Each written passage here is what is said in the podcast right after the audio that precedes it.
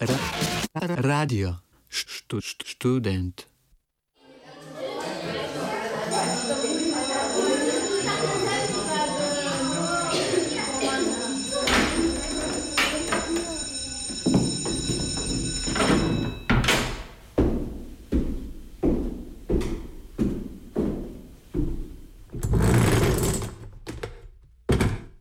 Gostujočimi komentatorji in komentatorkami vsak ponedeljek sprevračamo katedro Radia Student. Premislimo izobraževanje pod katedrom.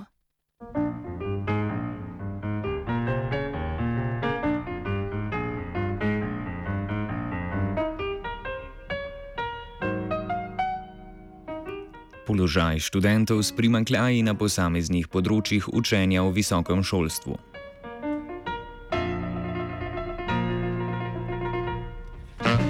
Današnji komentar je pripravila Živa Jakšič Ivačič, študentka specialne in rehabilitacijske pedagogike. V komentarju izpostavlja diskriminatorno obravnavo študentov s primankljaji na posameznih področjih učenja v nacionalni zakonodaji ter možne posledice take obravnave.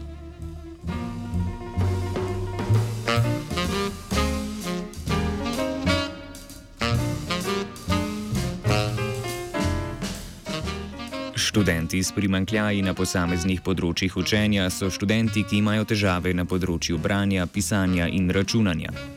Med njih štejemo študente, ki imajo disleksijo, diskalkulijo in disgrafijo. Študenti s primankljaji na posameznih področjih učenja so le ena izmed skupin študentov s posebnimi potrebami. Med njih spadajo tudi slepi in slabovidni študenti oziroma študenti z okvaro vidne funkcije gluhi in naglušni študenti, študenti z govorno-jezikovnimi motnjami, gibalno uvereni študenti, dolgotrajno bolni študenti, študenti z motnjami avtističnega spektra ter študenti s čustvenimi in vedenskimi težavami.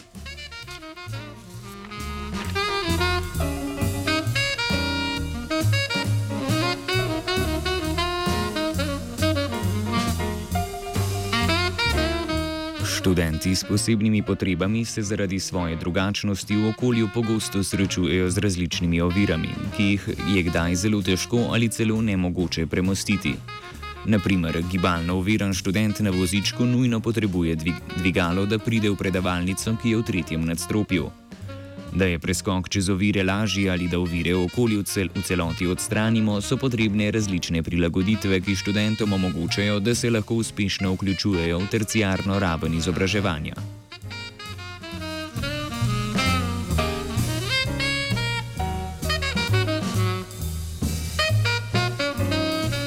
Študent s posebnimi potrebami lahko s podporo in prilagoditvami uresničuje svoje potencijale, dosega svoje cilje, pridobiva nova znanja, razvija nove spretnosti in svoje talente.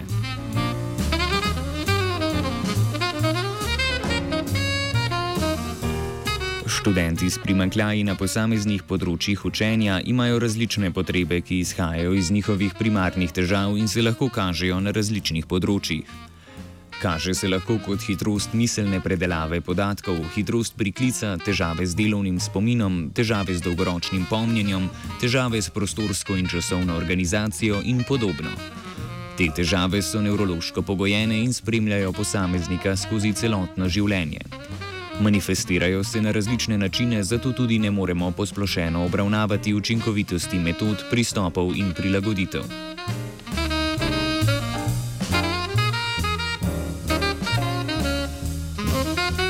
Poglejmo si, kako je njihov status trenutno urejen na državnem nivoju. Ta tema je pomembna, saj študentom s posebnimi potrebami status med drugim prinaša pravico do prilagoditve študija. Do leta 2017 v zakonu o visokem šolstvu ali v drugih pravnih aktih, ki na državnem nivoju urejajo visoko šolstvo, nismo našli nobenega člena ali določila, ki bi definiral, kdo sploh so študenti s posebnimi potrebami.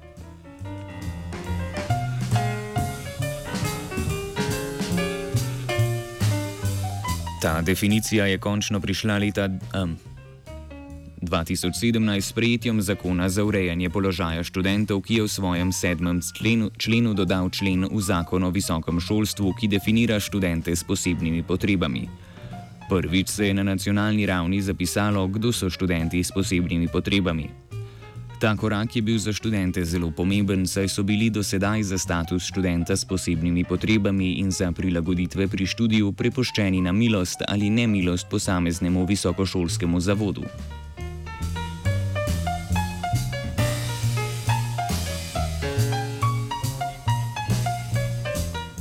Na primarni ali sekundarni ravni izobraževanja ureja statusa učenca oziroma dijaka s posebnimi potrebami zakon o usmerjanju otrok s posebnimi potrebami. V tem zakonu je tudi opredeljeno, kdo so otroci s posebnimi potrebami. Študentska organizacija Slovenije, pobudnica zakona za urejanje položaja študentov, je predlagala, da se tudi za terciarno raven izobraževanja oblikuje definicija študentov s posebnimi potrebami. Sklicevala se je prav na zakon o usmerjanju otrok s posebnimi potrebami kot krovni zakon za področje uveljavljanja pravic in postopkov za pridobitev statusa. V komentarju, ki so ga objavili skupaj z zakonom za urejanje položaja študentov, navajajo, da se v zakonu upoštevajo, citiram, vse skupine študentov, ki se glede na naravo svojih potreb, invalidnosti ali bolezni lahko vključijo v terciarno izobraževanje in ga tudi uspešno dokončajo ob enakem standardu, kot velja za vse študente, oziroma po pogojih za uspešno napredovanje in dokončanje študija. Konec citata.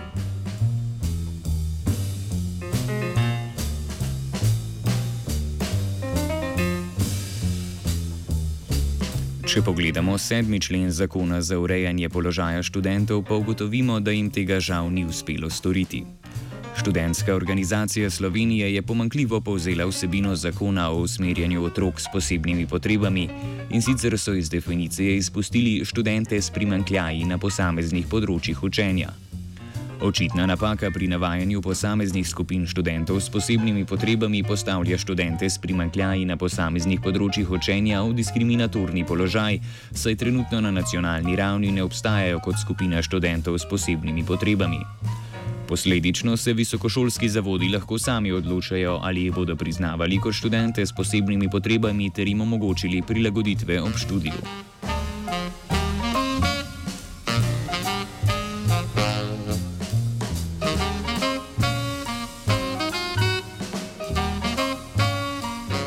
Na to se je odzval študentski svet Pedagoške fakultete Univerze v Ljubljani, ki je Državnemu zboru Republike Slovenije predlagal dopolnitev zakona za urejanje položaja študentov tako, da se med študente s posebnimi potrebami doda tudi študente s primankljaji na posameznih področjih učenja.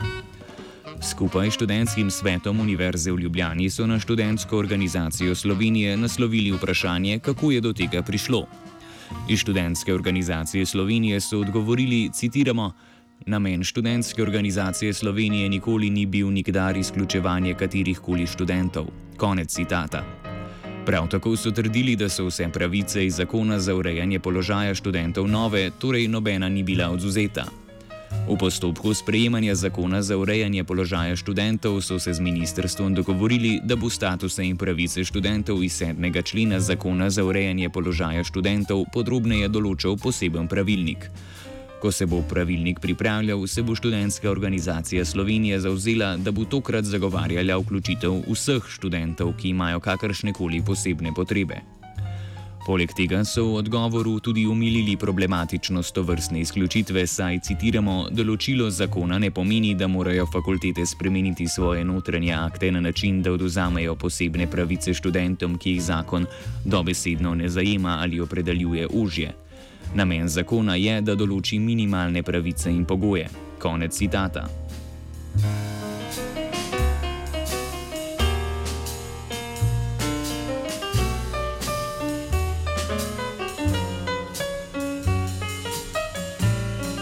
Dejstvo, da so študenti s primankljaji na posameznih področjih učenja izključeni iz dveh temeljnih zakonov, ki urejata položaj študentov, ter da so jim s tem posledično neupravičeno oduzete pravice, ki jim pripadajo in pripadajo drugim skupinam študentov s posebnimi potrebami, je zaskrbljujoče in nesprejemljivo. Ti študenti niso le zmožni in sposobni ob ustreznih prilagoditvah dokončati študija, temveč jim s prilagoditvami omogočimo uresničitev njihovih potencialov in jih opolnomočimo, da postanejo samostojni in aktivni člani družbe.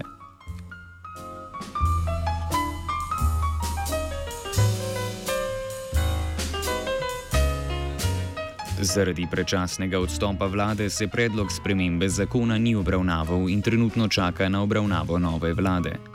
Univerza v Ljubljani oziroma Komisija za študente s posebnim statusom Univerze v Ljubljani je ravno v tem času sprejela pravilnik o študentih s posebnim statusom na Univerzi v Ljubljani. Ta pravilnik ureja različne statuse študentov. Med njih spadajo študenti vrhunski športniki, študenti priznani umetniki, študenti, ki se udeležujejo mednarodnih tekmovanj, študenti starši in študenti s posebnimi potrebami. Univerza v Ljubljani se je zauzela, da bo vsem študentom s posebnimi potrebami, če tudi niso definirani v zakonu o visokem šolstvu, omogočila enake pravice. Tako je v svojem pravilniku med študente s posebnimi potrebami navedla tudi študente s primankljaji na posameznih področjih učenja. To za te študente pomeni, da so na Univerzi v Ljubljani prepoznani enakopravni in da jim s tem pripadajo prilagoditve izvajanja študijskih programov in dodatne strokovne pomoči pri študiju.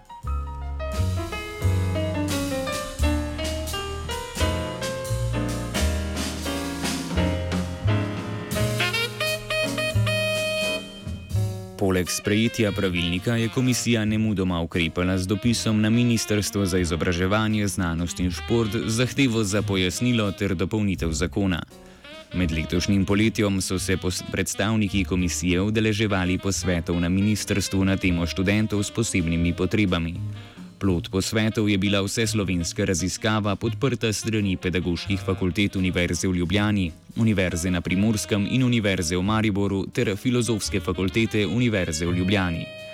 Cilj raziskave je ugotoviti stališča študentov in visokošolskih sodelavcev do študentov z različnimi statusi.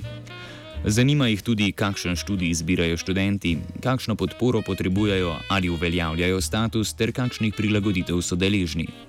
Poleg tega je namen raziskave ugotoviti tudi število študentov s primankljaji na posameznih področjih učenja, njihove potrebe po prilagoditvah ter njihov položaj na visokošolskem zavodu, kjer študirajo. Na anketo se je odzvalo okoli 10 odstotkov vse študentske populacije v Sloveniji. Rezultati, ki so trenutno še v obdelavi, bodo dokončno razjasnili položaj in potrebe študentov s posebnimi potrebami v Sloveniji. To nam bo omogočilo strokovno podlago za prihajajoče bitke proti diskriminaciji študentov s primankljaji na posameznih področjih učenja.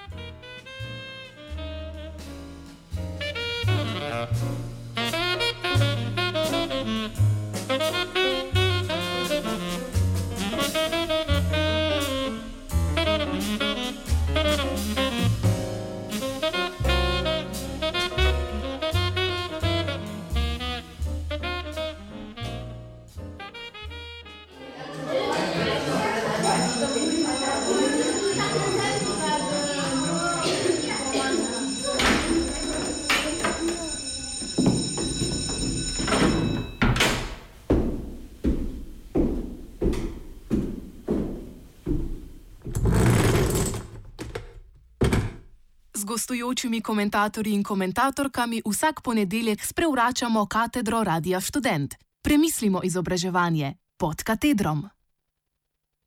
Dober dan, dober dan. V čem je problem? V čem je problem? Ja, mene večkrat boli. Ja, ja, ja dobro, bomo, bomo potem o teh simptomih. Eh, zdaj me zanima, eh, ali nespečnost, kaj dobro spite. Včasih spite? na levo. No, saj, saj, saj, vsi imamo svoje križe in težave. Eh, kaj pa kaj pijača, droge, kaj prisotno takšnega? Ne, zelo tudi no, saj v zasebno življenje se ne bomo tikali ljubezenske razmere, dobro, vse v redu, partner ja. se vam zdi dobro. dobro. Že pišem, že pišem, eh, diagnoza je jasna, vi preveč poslušate radio študent. Ja, pa se ga sploh ne lovim.